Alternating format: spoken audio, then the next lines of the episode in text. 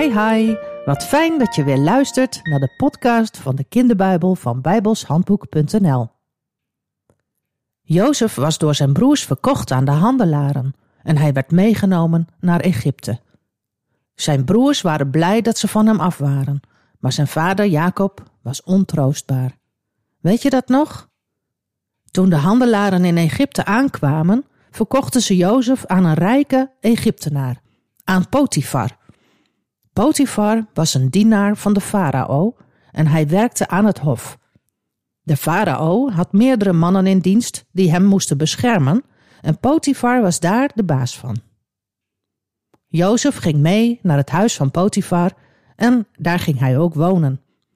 Hij werd een knecht en hij moest hard, hard werken. En dat deed Jozef ook. Hij deed heel erg goed zijn best, maar hij dacht natuurlijk ook vaak aan zijn thuis en hij miste zijn vader. En toch, toch hield hij het vol. Hij was 17 jaar oud en hij was een sterke jongeman. Hij vertrouwde op God. En de Heer zegende Jozef. Hij hielp Jozef en gaf hem kracht. Daardoor ging alles wat hij deed ook heel erg goed. Potifar zag dat ook. Hij zag dat de Heer ervoor zorgde dat Jozef goed was in alles wat hij deed. Potifar vond Jozef ook een fijne jonge man en hij merkte dat hij helemaal op Jozef kon vertrouwen. Daarom riep hij Jozef op een dag bij zich en zei: Jozef, ik heb gezien dat je heel goed je best doet en dat het hier, sinds jij hier bent, allemaal heel erg goed gaat. Daarom wil ik dat jij de beheerder wordt over mijn huis. Jij wordt de baas van alle andere knechten en ze moeten allemaal naar jou luisteren. Dat was natuurlijk heel fijn voor Jozef. Hij mocht nu alles zelf regelen en dat vond hij ook heel leuk. Hij deed daardoor eigenlijk nog meer zijn best. En Potifar had een heel mooi leventje op deze manier. Hij hoefde zelf nergens meer om te denken. Hij kon leuke dingen doen en lekker eten en drinken. Hij gaf Jozef steeds meer vrijheid en hij werd ook steeds vriendelijker. En daardoor was God ook met Potifar en met alles en iedereen in en om zijn huis. Het waren goede tijden. Potifar was ook getrouwd, maar de vrouw van Potifar hield niet zo heel erg veel van hem. En Jozef was na een aantal jaren een hele mooie en sterke man geworden. En dat zag de vrouw van Potifar ook. Zij vond Jozef wel een hele knappe man. Ze riep Jozef bij zich en ze zei: Jozef, het gaat helemaal niet goed tussen Potifar en mij. Ons huwelijk is heel erg slecht en hij is bijna nooit thuis.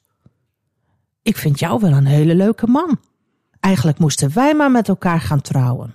Kom, kom je met me mee naar mijn bed? Ai, ai, ai, dat kon natuurlijk niet, hè? En Jozef zei ook meteen: Nee, nee, dat gaan we niet doen. Dat mag niet. U bent al getrouwd. En als ik nu met u meega, of zelfs met u zou trouwen, dan zou ik mijn meester Potifar bedriegen. En dat mag niet, dat kan niet en dat wil ik niet. En ook zou de Heer, mijn God, dit niet goed vinden en ik wil niet zondigen tegen de Heer. Maar de vrouw van Potifar vond dat geen goed antwoord en ze bleef het maar vragen. Steeds weer vroeg ze aan Jozef om bij haar te blijven. En elke keer zei Jozef: Nee, ik doe het niet. Op een dag kwam Jozef het huis binnen om te werken en toevallig was er niemand in het huis. Alleen de vrouw van Potifar was thuis. Dit is mijn kans, dacht ze. Ze greep Jozef vast en ze trok aan zijn kleren en ze riep: Kom, Jozef, kom, kom met me mee en kom bij me liggen.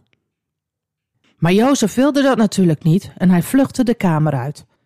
De mantel die de vrouw van Potifar nog vast had, liet hij dan maar achter.